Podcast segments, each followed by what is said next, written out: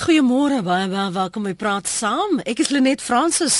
Jy luister na RSG op 100.104 FM wêreldwyd by rsg.co.za.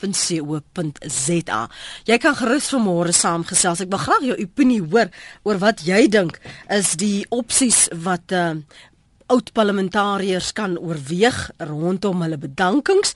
Uh, eers as jy mooi sal onthou na net so na knap na die verkiesing was dit Lindiwe Mazibuko wat gesê het sy gaan nou die politiek verruil uh, en haar parlementêre pos vir uh, Harvard studies en dis toe wat sy gedoen het. Soms sy wil dit nog gaan voor toevoeg die um, voormalige spreker Max Sulu en ook voormalige minister van toerisme Martinus van Skalkwyk se bedankings en dit alles na president Zuma se nuwe kabinet bekend gemaak het. En vanoggend praat ons oor die lewe na 'n politieke loopbaan of dalk is dit nog in die politieke kollig vir diegene wat besluit hulle wil dit nog doen. Wat word van LPs na 'n lewe in die politiek? Gaan dit eintlik maar oor byvoordele of moet hulle net liewer verdwyn gaan aftree en hulle besig hou met golf of wat ook al hulle wil doen? Of dink jy hulle het nog 'n verantwoordelikheid om betrokke te bly by verandering demokratiese prosesse jy is welkom om vir my te sê hoe jou kop hier rondom draai.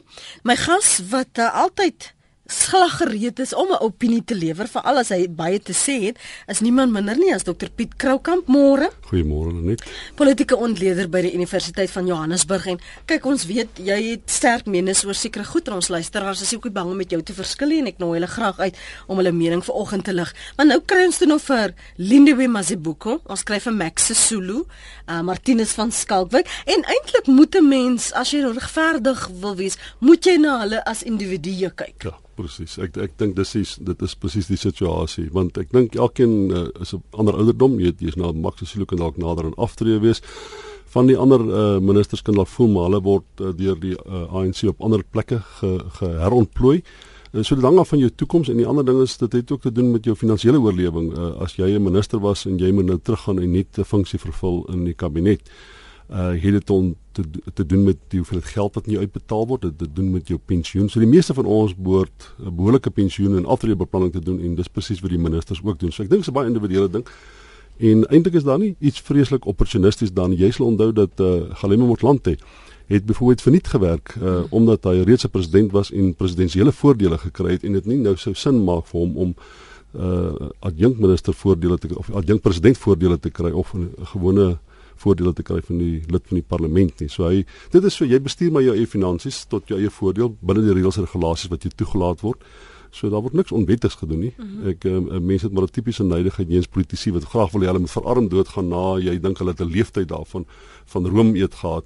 Maar dis nie heeltemal waar nie. Ek dink in 'n sekere sin daar's baie politici. Ek dink uh, Martinus van Skalkwyk byvoorbeeld uh, is 'n voorbeeld van iemand wat sy lewe lank net in die politiek was en waarskynlik baie baie goeie voordele gaan kry in sy aftrede.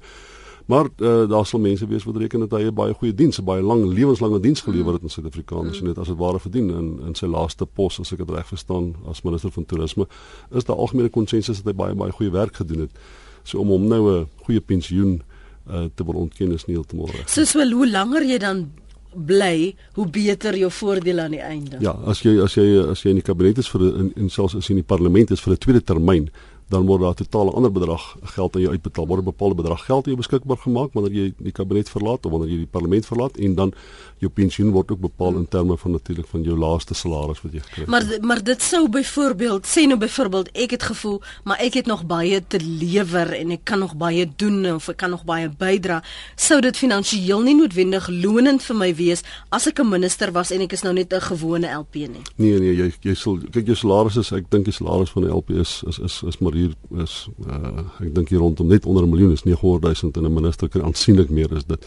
So dit uh, maar ek dink dit baie keer ook met jou status te doen. As jy nou die ministeriële funksies vervul het en nou skielik moet jy in die komitees gaan sit eers in die parlement vir baie mense is dit miskien 'n moeilike kopskyf wat hulle egos aanbetref, verstaan jy? So ek mm. behalwe as dit as as jy nood druk, as jy jou geld spandeer het as 'n minister en nou het jy nie keuse en jy moet bly werk en die ANC en jy's nie by die ANC waar jy herontplooi word nie, jy's miskien by een van die ander kleiner partye wat nie die vermoë het om jou te herontplooi nie en jy as dit ware dan nou by oop see laat, dan maak dit vir jou sin om om om aan te bly as as 'n as 'n as 'n lid van die parlement maar ek moet ek ek, ek kan aanvaar dat dit 'n baie moeilike situasie is. Ek kan my nie indink dat Martinus van Skalkwyk nou sal gaan sit in die parlement in komitees en uh, wetgewing wat dit neer. Kan kan ek gou uh, kom ons maak gou 'n uh, geskeislyn wat ons sê ehm um, dis wat in die verlede gebeur het en dis wat ons nou sien tendense. Wat doen die ministers in die verlede nou? Um, as jy nou so verlang byvoorbeeld by die NNP was of of 'n uh, prominente rol gespeel het, ja. dan dan wat doen jy met jouself of wat doen jy met jou tyd en en hoe ontplooi jy jouself weer? Ja, die die die nasionale party van vroeë jare het natuurlik uh, baie van hierdie mense in die presidentsraad toegeplaas. Dit was jou aftreewerkie geweest. Jy gaan na die presidentsraad toe. So dit was ook maar 'n herontplooiing. Die mm. nasionale party en die ANC is nie fisiek ver van mekaar wat dit betref nie. Hulle het weer vir die minister op 'n ander manier probeer sorg, maar dit nie waarskynlik op die groot skaal uh wat wat dit vandag 'n uh, beginselpraktyk is by die ANC nie. Maar die feit bestaan is vroeër jare was baie van hierdie mense het gaan boer, né? Jy kon uh, vir jou redelike klompie surplus kapitaal opbou terwyl jy 'n minister is en baie van hulle was lewenslange ministers. Ek dink vroeër jare die beginsel van 'n lewenslange politikus, dit was die enigste beroep. Dit is vandag nog in 'n bepaalde manier die beroep, maar ek dink tog daar's 'n groter hoeveelheid, byvoorbeeld die helfte van ons parlementslede. Ek dink meer as die helfte van ons parlementslede is nuwe lede vir jaar. So die helfte van hulle moes gaan werk soek op 'n ander plek en nie almal kon herontplooi word in die strukture van die partye nie. So daar's baie mense wat as dit ware werkloos is en maar uh, ek dink in Suid-Afrika vandag dit is moontlik vir baie mense omdat sê maar hulle hulle in die ANC, dan kan hulle nou in die private sektor gaan en sê man ek het op 'n manier kan ek vir jou verbintenis verskaf met belangrike ANC politici 'n bepaalde voorkeur gee of toegang gee en in 'n bepaalde funksie verrig in die mm. private sektor. Nou baie van die lede van die parlement gaan terug private sektor. Ek dink Tito Mboweni, Tukie Segwale, ehm uh, almal van hulle het die politici verlaat en groot geld gemaak daar buite. Piet Piet in daardie geval is dit mense wat en en ek kyk om mense dan ook af van watter pos jy beklee het, want sommige het 'n bietjie meer aansien soos as jy nou die minister ja. van finansies was, dan is dit 'n natuurliker oorgang na 'n portefeulje of binne 'n maatskappy waar jy met wat besigheid te doen het. As jy miskien byvoorbeeld nog net maatskaplike en sosiale ontwikkeling was of landbou dan dan wat doen jy dan? Dat dit maak nog steeds sin. Daar's was in maatskaplike ontwikkeling is daar nog steeds bepaalde sien maar nie regeringsorganisasies wat jou mm -hmm. tot hulle voordeel kan aanwend en jou kan gebruik met verbintenis om nader in die politieke vuur te kom. So al almal van hulle het eh, party's meer 'n aanvraag, maar almal van hulle kan op 'n of ander manier 'n bepaalde funksie vervul. Maar ons net onthou baie keer is die funksie uh, 'n uh, sinvolle funksie. Met ander woorde as uh, Trevor Manuel byvoorbeeld nou by Telkom betrokke raak of in die privaat sektor betrokke raak by die bankwese, kan mens aanvaar dat hy geweldige goeie ondervinding opgebou het om waarde toe te voeg waar hy nou gaan wees. Soms is dit 'n politieke verbintenis wat gevestig word en soms kan daardie ministers wel waarde toevoeg. Ek dink Trevor Manuel, Tito Mboweni, Tokie Sigwale was al mense wat op 'n bepaalde manier waarde toegevoeg het waar hulle ook al herontplooi was of waar hulle betrokke was in die private sektor. Ons praat vanoggend oor ons LPs, die wat dit gemaak het en ek gaan hom gemaak het in aanhalingstekens plaas en ek wil jou mening hoor of jy dink as hulle dan nou die dag bedank het uit die politiek of jy dink hulle het nog 'n rol te speel dalk op 'n ander manier, dalk op 'n ander vlak. Uh, of jy dink hulle moet maar nou nie net dit liewer los. Ek wil graag jou mening hoor. Waaroor gaan dit vir jou? 0891104553. Ek wil later hê ons moet ook 'n bietjie gesels. As jy genoeg ligtheid het, laat weet my wat jy daarvan dink oor die statuur van die LPs wat ons vandag het. So baie jong bloed nou en so baie nuwe gesigte, nuwe besems wat jy net sopas aan verwys het. Is geweldig baie jong mense in die politiek nou. Ek dink die DA het 'n verjongskuur as dit ware ondergaan. So as daai mense net 5 jaar uh, in in die parlement sit en hulle word dan weer op weer vervang het het jy moeilikheid vir wat hulle betref hulle is baie jonk jonk in 'n loopbaan en en en, en, en politiek is bietjie soos rugby. As jy hier op 35 of 36 of selfs 40 as jy dan klaar maak en jy is vervangbaar het jy 'n ernstige probleem want jy het die jou produktiewe jare wat jy in jou eie opleiding moes spandeer het was jy dan in 'n terrein gewees wat nie noodwendig om daartoe leen sodat jy suksesvol kan wees daarna ook nie. Eintlik moet jy roomskep in die beste jare hier in jou 30s 40 sodat jy 'n uh, 'n uh, bestendige teenwoordigheid kry in die arbeidsmark en jou surplus kapitaal kan opbou sodat jy op 60 of 65 of 70 kan aftree. Nou uh, politiek is bietjie soos rugby, jy het jy het 'n rak leeftyd en dit berei jou nie noodwendig voor Dit kan, maar nie noodwendig vir vir 'n lewe daarna nie. 089104553 rsg.co.za SMS na 3343 elke SMS kos jou R1.50 en jy kan my SMS by 3343. Hulle moet net nie pottery probeer nie. Vra my, ek is ook besig met finansiële oorlewing. Dis SP se SMS daardie. 'n uh, Môre onbekend in Beaufort Wes. Ek dink die LP se tyd is om. Hulle het nie meer 'n verantwoordelikheid teenoor die gemeenskappe nie, want hulle beteken ons dan hulle beteken dan vir ons niks. Daardie ding is 'n ander aspek waarby ons moet stil staan. Ek gaan nou weer praat oor die jong mense. Hierdie verantwoordelikheid. Ehm um, voor en terwyl jy daar dien en ons neem nou maar aan die almal wil dien en is dit daar vir die, die voordele nie. En as jy nou nie meer daar is nie, hoe dien jy dan voort? Het jy verantwoordelikheid volgens jou om nog terug te gee, om betrokke te bly by die demokratiese prosesse?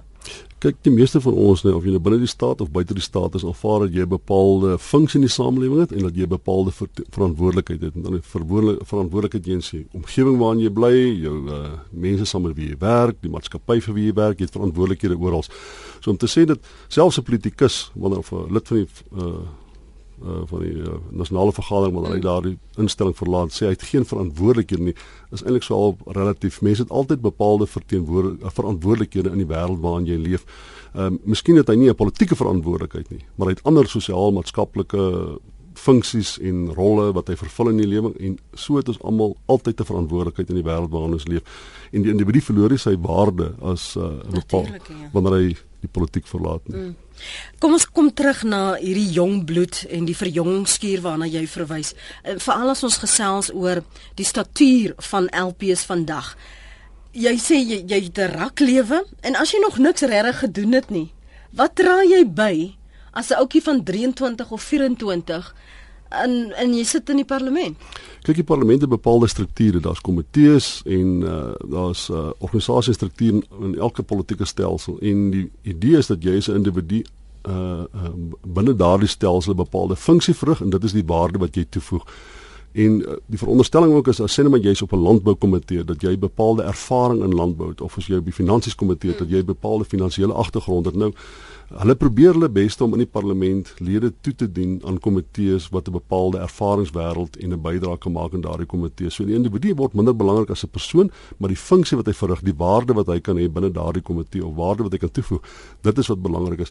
En dit daarom maak dit eintlik saak of jy jonk en oud is vandag. Die, die meeste uh, mense van Suid-Afrika wat van die wêreld wat verantwoordelik is vir die groot mate van innoverende denke is eintlik maar jong mense op die rekenaars, op die internet, uh, in die tegnologie. So uh, jeug is nie noodwendig meer 'n nadeel. Ek aanvaar uh, toe ons kinders was was jeug 'n nadeel geweest in die politiek en ervaring en die manier hoe jy na die wêreld kyk. Die groter prentjie wat jy so sien was baie belangriker geweest. Maar vandag is 'n goeie bestuursfunksie is goud werd in Suid-Afrika. En as jy iemand kry van 25 of 30 wat in die parlement sit en goeie bestuursaanleg het, is hy vir baie meer werd as 'n ou bil wat daar rondtroon omdat hy baie jare in die stelsel is. Mm, mm. So dit, dit is eintlik om dit ewe of jy dan nou al 'n vorige lewe gehad het voor jy dan nou die politiek betree, want aan die einde van die dag as jy nou praat van die ouderdom en jy praat van die ervaringsveld en en die jong bloed wat inkom, as jy kyk na iemand soos uh, Lindiwe byvoorbeeld wat niks regte politieke ervaring gehad het nie. En nou hoe weet jy of hierdie persoon of hierdie kandidaat werklik waar ehm um, gaan lewer en dit wat jy uit hulle soek Dat dis is wat hulle vir jou gaan gee. Wel dis dis die funksie van politieke partye. Hulle hulle moet mense rekruteer. Hulle moet mense uh, gaan soek en vind wat op 'n of ander manier potensiaal het of die kapasiteit het om die politieke party te bevoordeel. Mense aanvaar dat iemand 'n lid van 'n party is en so hoog in daardie party uh, se lys voorkom uh dat hulle hom na bepaalde waarde geag het dat hy 'n bepaalde waarde toegevoeg het binne die party dat daardie waarde goed genoeg sal wees vir sê net maar die parlement. Uh so dis die funksie van politieke partye. Hulle rekruteer mense, hulle uh, gaan uit, hulle gaan soek mense Helen Zil, maar groot gewag daarvan dat sy in dit inderwaarheid vir Lindiwe met sy boeke gehet het dat as jy wil verstaan. Sy het al gekry, ek het haar die basis gegee waarvan of sy kon funksioneer en 'n goeie leierskapspotensiaal kon verder ontwikkel wat ek reeds gesien het in haar. So dit is die funksie van politieke partye. Hulle moet mense op 'n of ander manier gaan soek in die samelewing wat waarde toevoeg tot die party en die veronderstelling is as hy waarde tot die party voeg of hy of sy sal hy of sy dan waarde toevoeg tot die groter politieke funksie wat hy of sy verrig in die, in die wetgewende instellings.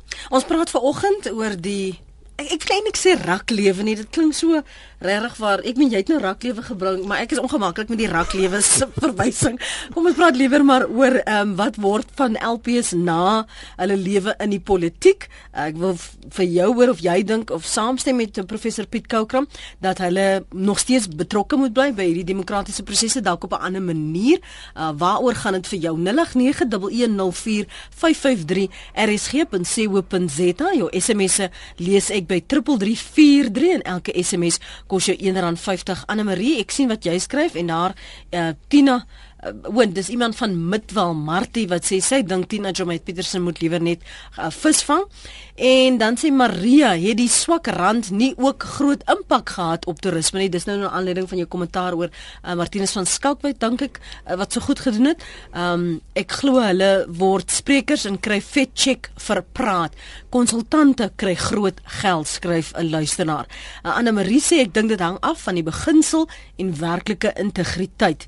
En dan sê Gerard Gous, alles raak raak klaar. Ons weet mos suurdrywe is hand voor die hand liggend, kry ek nie wat my pas nie, dan is ek nou klaar. Dis uh, Gerard Gous se SMS daardie dan sa ouma wat sê Lindewe moet gaan studeer en dan moet sy terugkom en die eerste president word. Um dis nou van die menings. Ek gaan nou kyk wat die ander te sê het. Uh van George, like it mes JJ wat sê raad er vir die ANC werk president eh, Zuma liewer weggemaak vertrewe uh, Manuel die president. Dis nou JJ van George se mening daardie. Uh, ons kyk wat sê die ander na die breek en dan praat ons verder. En jy's baie welkom om jou menings ook te deel veral as ons praat van raklewe ons praat van jong bloed. Ons praat van die statuur van van 'n uh, parlementêre lede. Wat jy dink? Hoe dink jy van hierdie nuwe groep? Wat sien jy? Wie maak jou opgewonde? Ek gaan vir Piet ook vra wie hom opgewonde maak. en oor wie hy vraagtekens het. Maar ek verwelkom jou kommentaar. Kom ons kyk wat skryf sommige van julle hier op ons SMS lyn. Um, Veral iemand wat vra Piet, verduidelik ook asseblief die posisie van 'n LP as hy byvoorbeeld as gevolg van die verkiesing nie weer die lys haal nie. En dan noem die persoon nou 'n name, 'n bekende naam in Afrikaanse kringe. Kry hulle 'n pensioen of nog enige inkomste van die staat? Ja, jy kry eh, as jy een termyn daar was, kry jy 'n normale pensioen. As jy tweede termyn is daar bepaalde voordele daaraan verbonde en jy kry 'n uh, groter finansiële voordeel as wanneer jy net een termyn in die parlement was. Maar die uh, pensioen is nie is nie um, is moet maar Engels meer extravagant of meer omvangryk mm. as wat dit in die privaat sektor is nie en dis dis ek dink is dis vir almal almal uh, oop om te gaan sien uh, wat die voordele is van van parlementariërs en mense wat die parlement verlaat. So ek, ek dis eintlik 'n baie meer normale funksie. Ek dink mense koppel die moraliteitsvraag dan omdat daar suspisie en skeptisisme en sinisme eens politici is.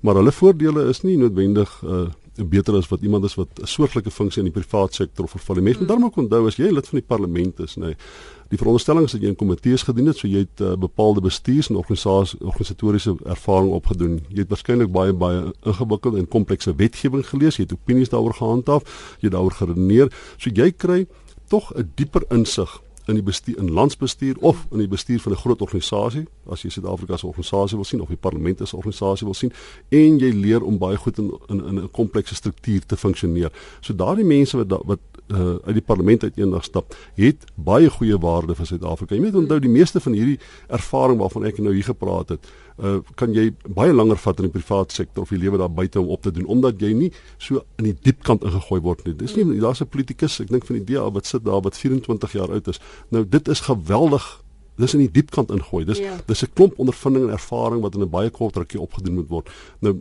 party mense sê party politieke partye uh, maak meer gebruik van die LPs en uh, die hulle doen as dit ware meer ondervinding op terwyl ander miskien ek net ek dink daar's altyd die vraagteken rondom Winnie Mandela wat wat so 2 3 keer per jaar by die parlement opdaag en mense dan sê wel wat maar nou ja, sy sy is van die van die ou hande in die, in, in die parlement. Jy gaan nou waarskynlik nou niks meer leer maar die feit bestaan is die organisasie struktuur lei mense baie baie goeie goed op om redelike gevorderde funksies daar buite te verrig as hulle klaar is daar. En en wat nie noodwendig in dieselfde soos jy nou teregwys in dieselfde dieselfde tydvak geleer kan word nie, maar dit beteken nie dit is net verlore nie. Daar's 'n vaardigheid daar as jy, as jy wat mense op 'n ander manier kan terugbloei. As jy jou werk doen vir 5 jaar in die parlement soos jy dit moet doen, gaan jy ondervinding opbou wat jy waarskynlik in 10 jaar nie daar buite gaan opdoen nie, omdat dit so dit dit die, die, die pas kan baie straf wees, ja.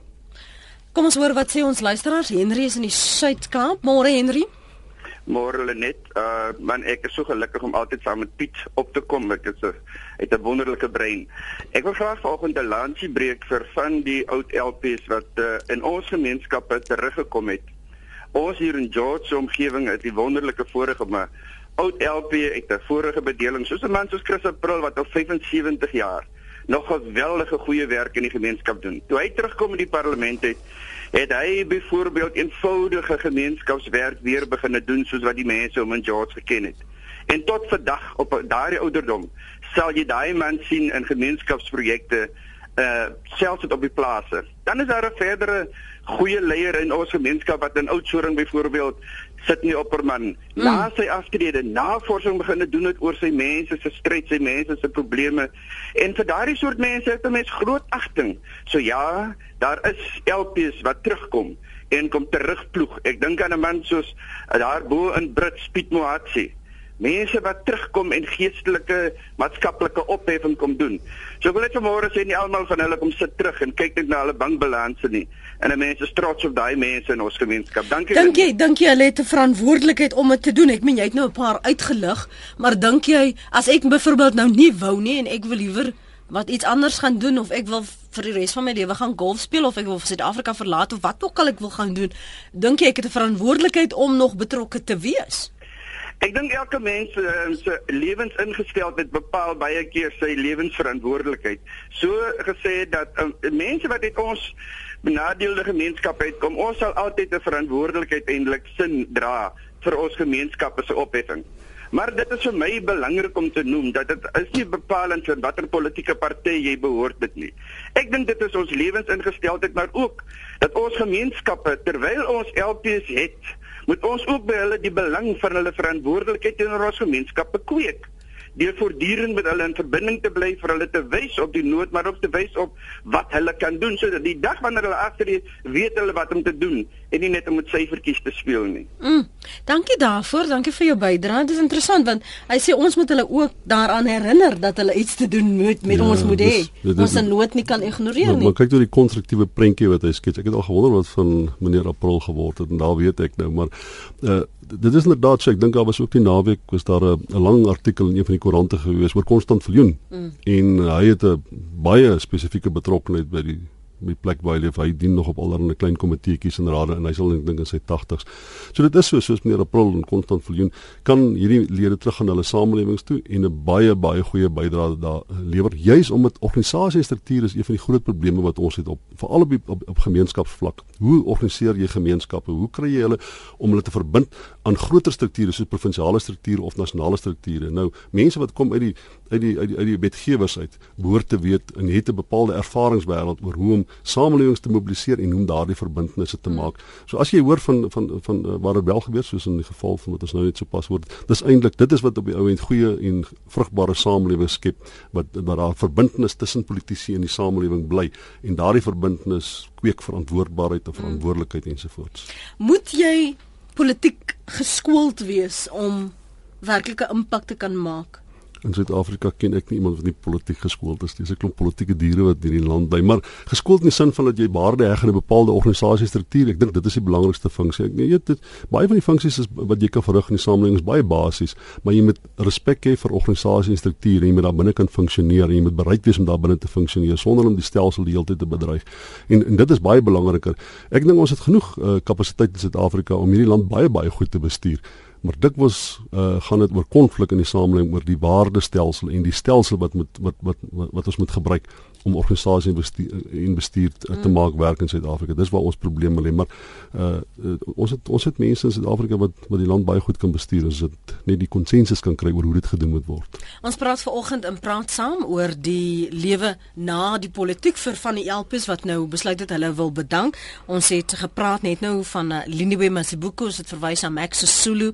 Ehm um, wie was die ander persoon? Mac Maharaj nou byvoorbeeld wat nou nou die voortvoerder is. Ja, maar Mac is 79. Ek sê ek het my ander dag sien stap by die president se inhuldiging. Hy stap soos 'n 40-jarige. Hy so fiks en, en, en nou nooit opraat nie. Ja, ek weet. Goed hy hy ehm um, die feit dat uh, jy 'n ander rol, ander gedaante eintlik maar ondergaan. Ehm um, hoe vind jy dan nog sin in hierdie is ek ek is nou nie meer so prominent nie, ek is nou nou nie in die kantoor nie, maar ek het nog eh, 'n uh, funksie. En en kom ons laat ons eerlik wees, daar is 'n mate van loyaliteit uh, wat president Zuma teenoor sommige kabinetslede het. Ehm um, en dis hoekom sommige laat gaan is en hoekom sommige bly. Nou sê vir my, hoekom is sommige laat gaan en hoekom is sommige hoekom bly sommige laat? Maar ek, ek um, dis die rede hoekom die mense in die kabinet sit, maar daar sit is 'n baie komplekse sommetjie wat die president moet maak en Gwedi Mantashe die ANC en die strukture wat hierdie besluite neem en dit is dat dis 'n bietjie van 'n 'n kombinasie van faktore. Jy moet uh, belangrike mense wat inderdaad goeie bestuur kan toepas, die moet jy daai nee nee moet daar wees die minister van finansies. Jy wil kontinuïteit in bepaalde departemente hê. Dan is daar eenvoudig mense wat jy as gevolg van die magspolitiek binne bepaalde strukture moet jy akkommodeer. Jy moet iemand van die vakbonde en jy moet iemand van die jeugliga en die vroue uh uh jy liggaam moet verteenwoordig word. Dan moet die provinsies verteenwoordig word. Dit kan nie net almal van KwaZulu-Natal afkom nie. Dan moet uit die noordelike provinsie, die Wes-Kaap en Noord-Kaap oral moet daar bepaalde verteenwoordiging in die kabinet wees. En dan wil 'n toeliehuis wil 'n bepaalde verteenwoordiging hê en die nasionale uitvoerende komitee wil 'n bepaalde verteenwoordiging hê. So dit is dit is nie die president sit te maak nie die sommetjie en besluit wie daar wil hê en wie nie daar wil hê nie. Daar is seker hy kan 'n bepaalde kandidaate kan hy 'n voorkeur gee, maar die feit bestaan is uiteindelik is dit maar 'n bietjie van 'n kompromispel en dit wat jy in die kabinet sien is dit wat binne die ANC aan die gang is. So uh, as jy dit nie maak daar nie is omdat jy surplus is tot die behoeftes van die ANC en nie net surplus tot die behoeftes van die president nie. Mm. Ek onthou nou nou dit klik dat jy nou praat van uh, hoe jy besluit wie jy jou mee omring en as jy nou kyk na die die moeite wat gedoen is rondom 'n gang en jy het nou die dag 'n rubriek geskryf jy's nou leierloos. Maar daar moet ook bekentenis nou nou nou sê kry iemand wat wat vir um, kiesers sê stem vir my stem vir my stem vir my ons ons gaan 'n verandering maak en jy as 'n kiezer belê in 'n leier of of dit wat daardie leier verteenwoordig en dan sê daai persoon maar ek wil eintlik nou hierdie die plek hê nie. Vat maar vir iemand anders. Iemand anders kan maar nou Ja, dit kyk in die meeste ons ons stem daarom vir partye en nie in vir individue nie, maar, maar in, my, in my in, in my in my geval was dit nou 'n spesifieke teleurstelling en ek dink in die gang is 'n geval was dit ook 'n baie spesifieke teleurstelling vir baie mense van 'n gang omdat hulle gevoel het dat uh die identiteit of dit wat Mampili verteenwoordig, dit is wat ons gaan ons wil daardie stem in die wetgewer gehad het. Ons hoef nie noodwendig die persoon te ondersteun het nie. Ons kon kritiek op haar gehad het, maar daardie stem, dit wat sy gesê het was vir ons belangrik om te gesê word, gesê te word in die parlement. Nou in daardie opsig is dit 'n is dit 'n groot teleurstelling. Ek voel mense bietjie asof jy in die steek gelaat is, maar uiteindelik is dit belangriker om te onthou dat in Suid-Afrika as gevolg van die kiesstelsel stem ons vir politieke partye en individue is veronderstel om minder belangrik te wees as dit wat die party vir ons verteenwoordig. Mm, maar as 'n mens praat oor die statuur van LPs vandag en en die stemme die ding wat ek heeltyd altyd oor wonder is want dit is wat mense tog sê enige een kan in die politiek ingaan en enige een kan in die parlement gaan sit. En ek wil vir jou vra omdat dit is jou jou vakgebied is dit so dat enige mens as jy nou dink jy die vaardighede en ek is seker as van ons luisteraars wat dink hulle sal net so goed vaar as hulle die net die kans uh, sou kry kan enige mens dit werklik doen. Doodgewone Jan, alle man wat voel maar ek het vaardighede, miskien nog nie so werklik uitgebou nie, maar ek dink ek het iets te sê of ek het iets te doen of ek het iets te verander. Kyk, ons parlement leen hom juis daartoe, ons politieke stelsel leen hom juis daartoe dat elkeen die uh kan 'n uh, verteenwoordiger word in Suid-Afrika. Ek dink op 'n stadium met uh, verskeie van ons parlemente was daar waarskynlik partykeer nie 30% van die mense wat daar gesit het wat matriek gehad het nie. Met ander woorde, hulle het nie noodwendig die skolastiese ervaring gehad of die geletterdheid mm. wat jy sou assosieer met iemand wat met komplekse wetgewing moet werk nie. Dit is so, maar hulle het ook 'n verteenwoordigende funksie. Met ander woorde, hulle verteenwoordig die elke lid van die gemeenskap moet voel daar's iemand wat op 'n manier waarmee ek kan identifiseer. As ek arm is, moet ek sê ek kan identifiseer met iemand daar binne wat my belange gaan verteenwoordig. As ek ongeskoold is of as ek ryk is of as ek ongeag hoe jy jouself jou politieke identiteit vestig, dis belangrik dat daar iemand in die wetgewer is wat op 'n manier dit verteenwoordig wat jy dink belangrik is. Want die feit bestaan is baie van die arme mense dink ryk mense kan my nie verteenwoordig nie. En baie van die ryk mense dink arme mense kan my nie verteenwoordig nie. En die werklooses dink iemand wat werkloos is sal my nooit verstaan waar ek gaan nie. So in daardie opsig moet daar iemand wees wat my verteenwoordig. So dis maar 'n bietjie van 'n trade-off met ander woorde. Dit is sodat die die die wetgewers moet ook op 'n manier die identiteit van die samelewing verteenwoordig. Dit kan nie net 'n elite organisasie wees waar net 'n klomp ryk mense sit, net mense met met universiteitsgrade en dan die die indruk skep dat hulle 'n belang het by die groter samelewing nie. Hulle het nie noodwendig nie. Hulle het 'n belang by 'n bepaalde deel van die samelewing. Mm. Dis nou so amper 20 voor Linda. Ek is nou by jou oproep. Uh, ons gaan nou-nou na jou luister. Net vir julle sê ek gaan nou kom by JP van die Weskus se uh, SMS, ekskuus tog sy e-pos en dan ook Connie en dan is daar Leon. Uh, Leon, ek gaan van jou absoluut moet uh, sny. Dis te lank. Ek kan nie ek kan nie dit alles lees nie. En dan is daar nog 'n Leon. O, dis dieselfde Leon wat net nog 'n deel bygesit het. Uh, kom ons hoor gou wat sê Linda in Johannesburg. Linda? Haai, ek wil asseblief net weet, jy het nou gepraat oor Macma Raj, maar wie is die nuwe ou wat nou Zuma se spindokter gaan wees? Want dit is maar goed dat Maraj fiks was, want hy moet seker erg rondtrippel. So wie doen dit nou? Ai Linda, jy kon nie die geleentheid vir die verstaan nie. nie. Dankie vir die saampraat. Ek ek ek, ek het toevallig gister te vra ek vir iemand of Mike Maraas vervang is en hy was gister was hy nog het hy nog namens die presidentskap gepraat. So dit lyk nie of hy vervang is nie en of daar sprake is hy vervang gaan word nie. Kyk, daar was op kolsprake dat hy net die uh, dalk deel van die ministerie sou geword het. Mm. Maar uh, dit lyk vir my of hy nog aangaan in sy werk. Uh, hy hoef kyk uh, omdat daar kontinuïteit in die presidentskap is met ander woorde dieselfde president hoef hy nie noodwendig die mense almal te vervang nie. Hy mm. kan vervang wat hy wil en Mac Maraas en die president is baie baie naby aan mekaar as ek dit mm. reg verstaan. Mm. Soos ek ook gesien het. Kom ek lees gou vir jou wat skryf ons luisteraars op ons webblad en dan vra ek jou kommentaar daaroor. Cornie uh, Connie van uh, Suid-Kaap sê hierdie ou LPs kan hulle self beskikbaar stel tydens munisipale verkiesings en 'n enorme bydrae lewer ten opsigte van plaaslike regeringskwessies. En dan sê JP van die Weskus, ek dink dit gaan nie net oor die voordele nie, die ministers wat die parlement verlaat is, stem nie meer met die president se styl saam nie. Daarom wie die wie hom ondersteun opgeroep of as ministers of adjunke. Meneer van Skalkwyk is nog jonk genoeg en baie ervaring het dalk nou tot besef gekom dat dit 'n fout was om te skuif na die ANC, behalwe van onderwyle Madiba se leiding en 'n mindere mate in Bekkie dink ek die land is chaoties. Meeste van die ministers dink ek sal nie weer terugkeer terwyl uh, meneer Zuma president is nie. Um as jy nou nie vir Zuma is nie, as jy nie welkom in die parlement nie of jy nou oud is of jonk is. Ja, nou 'n uh, aand voor die die dieselfde aand wat die president sy kabinet uh sinne maar bekend gemaak het aan nie mense wat wel betrokke is. Daai agtermiddag was ek toevallig by 'n funksie gewees waar Andrius Nel en Martinus van Skalkwyk en 'n klomp van die mense was en die eindaardigste van alles was hulle almal sit daar en hulle sê vir jou ons wag vir 'n oproep van die president af of van die president se kantoor af. As jy nie 'n oproep kry nie, het jy nie werk nie. Met ander woorde, dis nie asof hulle voor die tyd ingelig is en mm. weet hulle het 'n bepaalde mm. kans nie.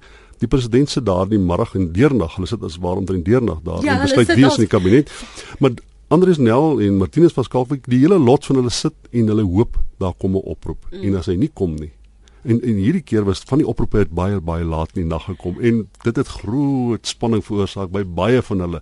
Het ek werk of het ek nie ja, werk nie? Ek moet vir jou sê dit was eintlik 'n 'n groot grap op Facebook want dis al sedert die Saterdag waar almal begin sê het en nou jy kan nou sien wie stiek voelers uit. Ja. Wag vir die oproep. Dis toe al 10 uur Saterdag aan president nog nie gebel nie. Sondagoggend na kerk wag nog steeds vir 'n oproep. En so het dit gemense het letterlik gesit en wag ja. om te hoor watter posisies het hulle nog 'n job soos jy nou sê en of hulle herplooi gaan word en dan waarheen? Ja, in op 'n stadium was die hele ou kabinet was hulle so bymekaar, hulle so in een groep gesit en ek het so tussen hulle deur kyk en wie ek ek kon sweer party van hulle lyk my of hulle selfvertroue probleme ontwikkel in daai laaste paar ure, gaan ek dit maak of gaan ek dit nie maak nie.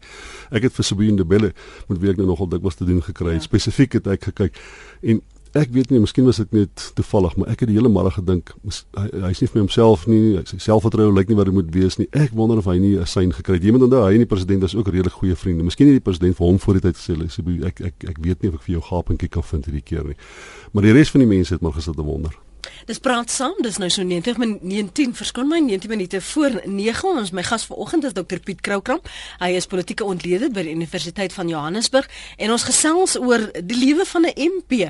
Uh, LP verskoon my in uh, na die politiek waarmee hou jy jouself doenig? Dink jy hulle het 'n verantwoordelikheid uh, of moet hulle maar net gaan aftree? Uh, kon nie van die Suid-Kaap het gesê hy dink oh, as 'n mens nou praat van plaaslike verkiesings, munisipaliteite dat daar is 'n betrokkeheid, 'n verantwoordelikheid om nog betrokke te wees. Um baie wat weer sê pensioengeld is geld wat jy en jou werkgewer spaar vir jou ou dag. Jy dra soveel by tot 'n pensioen en tot jou fonds en jou werkgewer sê sê Bobby nou. Um die res van Bobby se SMS lyk like my het afges, uh, afgesny.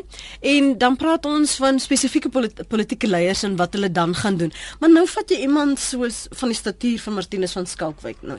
Hy is nog jonk, hy kan nog veel meer doen, maar waarheen vind jy jou weg dan?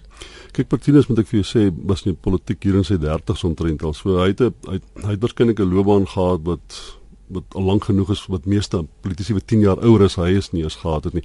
Ehm um, kyk hy het mos 'n goeie ervaring in toerisme opgebou. Ek sal nie verbaas wees as daar organisasies is wat hom nader en hom probeer gebruik.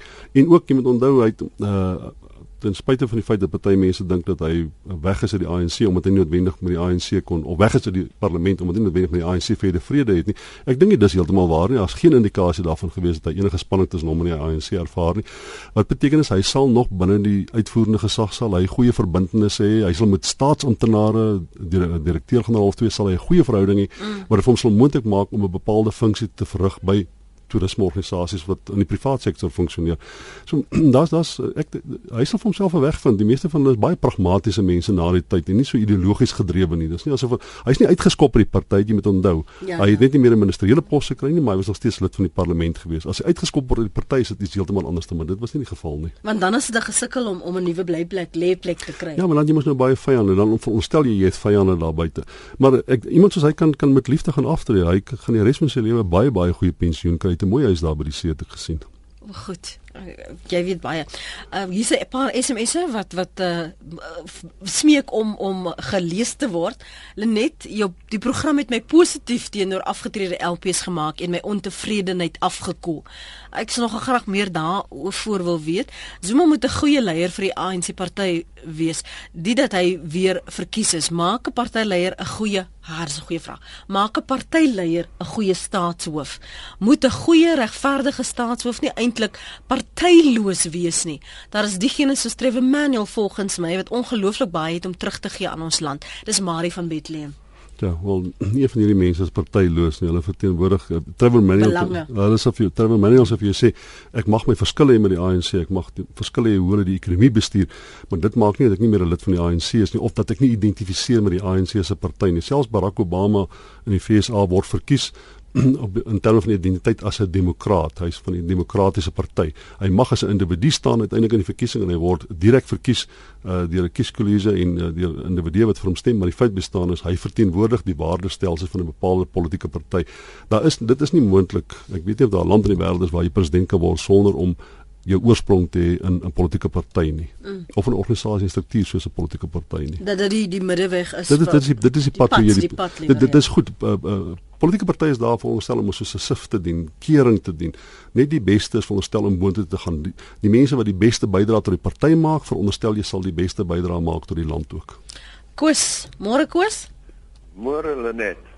Ja, ek wil die ding bietjie ligter maak nou want ons is ernstig en ek weet ek ek luister altyd wat Piet Kroukamp sê veral kommentaar hier op Sondag aan, jy weet, en so aan. Baie respek vir hom en vir jou natuurlik ook. Dankie. Nee, kyk uh Hulle het met Nikki 'n onderhoud gevoer, Nikki van der Berg. Was op TV gewees. Toe sê Nikki, kyk, want hy is toe nou oor Vryheidsfront toe en hy stem nou op die lys. Sê hulle maar kyk, jou kans om nou in te kom is 'n bietjie moeilik. Toe sê Nikki, nee, hy is 'n man van vele talente en hy het 'n naam. Hy het ook gewag op 'n oproep, want hy het gesê moontlik vra Magdalene Kreer vir hom om weer rugby uit te saai. Koos. So nee, nee, die ander ouens het gewag op oproepe, nie hoor. Koos, tot sins daar in Market. Koos kan ons almal in die moeilikheid kry vandag. Ja, as ek maar net geweet het. Maar Nikkie is 'n Nikkie is 'n is 'n goeie voorbeeld en 'n bepaal jy onthou hy was toe hy tot surplus in sy party vertaal as die DA toe is hy met groot woede en hartseer in sy hart as hy toe na 'n ander politieke party toe in poging om daar 'n tuiste te soek en toe het hy nou ook 'n uh, groot uh, boei gemaak oor die redes oor hoekom hy weg is uit die DA. Nou dit maar dit gebeur min. Dis selde wat dit gebeur. Nou uh hy het ook nie werklik 'n tuiste in die Vryheidsfront gevind nie. Maar ek dink uh, Nikki het 'n kombinasie van probleme gehad en dit is dat hy 'n bepaalde identiteit gehad in die verlede en daardie identiteit het nie noodwendig meer gekorrespondeer met dit wat die DA voorgestaan het nie. En dan hoor mense maar ook dikwels dat hy in die DA waarskynlik nou nie eintlik uit lyf uit lei weggesteek soos hulle graag sê. Jy weet daar's nie te veel mense in die DA wat sê wel Nikki het nie noodwendig sy kant gebring nie want as jy waarde toevoeg tot die party sal jy uh, aangehou word binne die party. Nou sy argument was nie hulle probeer om swart kandidaate in te bring om die demografie van die party te verander en ek intussen is ek as Afrikaner as ek nou uitgewerk en ek 'n politieke prys be, be, betaal. Maar die feit bestaan is daar's baie Afrikaners in die DA en hulle word nou waardig afhangende van die bydrae wat jy maak. Sien vir Anshan Dreyer byvoorbeeld. Anshan Dreyer, daar's as baie ja. van hulle. Ek wil gou terugkom na die verwysing van identiteit, veral as jy een 'n uh, politieke party verander verruil en ons bly sê dat hulle identiteite is ehm um, so gemerk jy kan letterlik onderskei dit wat hulle inglo en, en dit waarvoor hulle staan. As jy nou byvoorbeeld 'n party vat soos dan die kap van vir Patricia Shillings uh, de Lilse OD, uh, onafhanklike demokrate wat wat as jy gekyk het voor sy deel geword het van die DA, het hulle 'n spesifieke identiteit gehad. Hoe is dit dan so dat dit so maklik raak om so te versoen dat dit aan die einde van die dag as jy ag ons is nie eintlik 'n groot verskil nie, ons is dieselfde. Ja, nee, jy het en Patricia het van die PAC af gekom. Ja, dit, ja, dit, dit, dit, dit het nog verder gekom. So dit dit ek dink dit is 'n sulke groot kopskuiwe wat maak dat mense begin vra vra oor die integriteit van politici. Ek dink uh, Koos van der Merwe was by die nasionale party. Hy was hy was by elke party was by IFP gewees. Op stadium dink ek het hy gevry na die ANC. Ek weet nie of mm. daar was nie. Ek kan nie meer onthou nie. Maar die feit bestaan is uh politici beweeg geweldig party of nie almal nie party van hulle beweeg rond en dit laat nou allerhande twyfel oor die integriteit want jy moet dan 'n bepaalde waardestelsel verteenwoordig sou mense argumenteer. Maar nou 'n waardestelsel is nie 'n ding wat jou hele lewe lank dieselfde bly nie. Ek my waardestelsel toe ek 25 is en een nou dat ek 50 is is natuurlik twee baie baie verskillende goed. So mense kan aanvaar maar ek wou daarom sê soos Julie Kilian byvoorbeeld ek onthou daar was uh mense het vrae gevra oor sy het gekom van die ou nasionale party se was by Cope gewees uh, sy was um, nou by die ANC en die vraag was tog jy weet watter mate kan mense hierdie groot ideologiese spronge gee?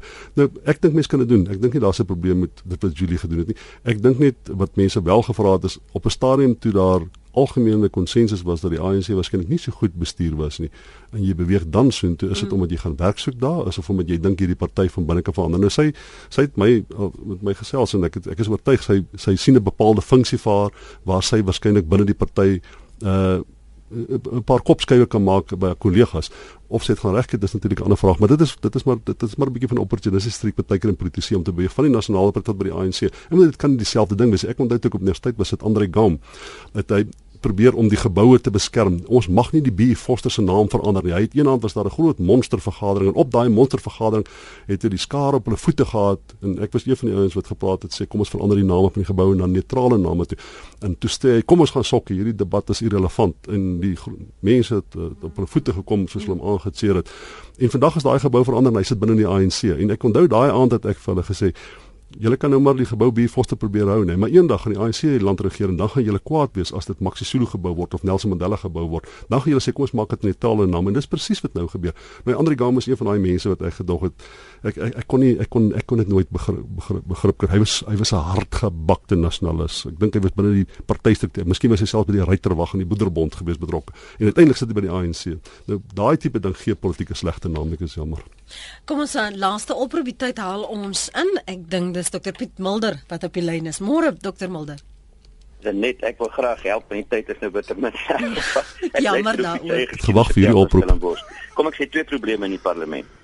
Die een is kontinuïteit. Met ander woorde, dit is belangrik dat daar kontinuïteit is en ek as daar 53% nuwe lede is soos nou gebeur en ek dink die DA het 60%, mm. dan vat dit jou 2, 3 jaar voor die regte in die gang kom. Jy weet daar's op hierdie oomblik 12 parlementslede oor van die wat van die 400 wat in die 94 begin het, net 12. Die ander is almal weg. So die een frustrasie is jy begin letterlik voor elke slag het vat jy 2 jaar in 'n komitee voor daar sinvolle werking is. Die tweede probleem is regtig dit raak belangrik hoe kry jy die beste mense in die parlement? Mm. Nou moet jy vir advokate of prokureurs vat en sê los jou praktyk uit wat jy opgebou het, kom parlement toe maar waarborg jy net 5 jaar en dan is daar niks verder, ek weet nie wat aangaan dan nie. Dan begin jy die B en die C span inkry plus die slegte beeld wat ek deur die media geskep word dat mense sê man, ek stel nie belang nie. Dan sit tot nadeel van die land. Of vir die beste mense daar so het dit eintlik nie. Dat raak 'n dienslewering jy lewer 'n stukkie diens jy het 'n loopbaan voor die tyd jy het 'n loopbaan na die tyd en dis as ek dit sien ja. Is jou program nou iets wat afgeskaal, ehm um, Dr Mulder? my familie is baie bly om my by die huis te hê bietjie. Ek eh, ek kyk skielik weer televisie gekyk nou die aand vir 'n slag en ek is gelukkig baie weer verlig met minder moeilikheid. Die uh, lemoene se sonsekwer probleem is nie meer myne nie en die invoer van Namibië se vleis is nie meer myne nie, dis ander mense se probleem. Maar ek gaan nog steeds voort om die geveg te veg in die parlement in elk geval as as leier van Vryheidsfront Plus ja. Goed, baie dankie vir die oproep, waardeer. Piet, Pieter ja, maak 'n belangrike vir Piet nog met klank klaar praat en daar's 'n paar dinge wat ek verskil van wat hy gesê het. nou, ja. Dit is eh, Pieter maak 'n belangrike punt in een opsig en dit is wat hulle noem in Engels institutional memory. Dit gaan verlore as daar elke 5 jaar 'n verkiesing is en jy vervang die helfte van jou lede. En wat bestuurskapasiteit betref is dit krities of jy in die privaat sektor of jy in die politiek is. Uh, Dr Mulder en en Piet, julle het net nog gepraat van oproepe. Ek is seker een of ander tyd gaan julle twee mekaar bel, né? Vir mekaar seker maar weer raak toe. En weer praat saam. Uh, dit was vanoggend se gesprek Dr Piet Kroukamp, politieke ontleder by die Universiteit van Johannesburg. Dankie vir jou tyd vanoggend.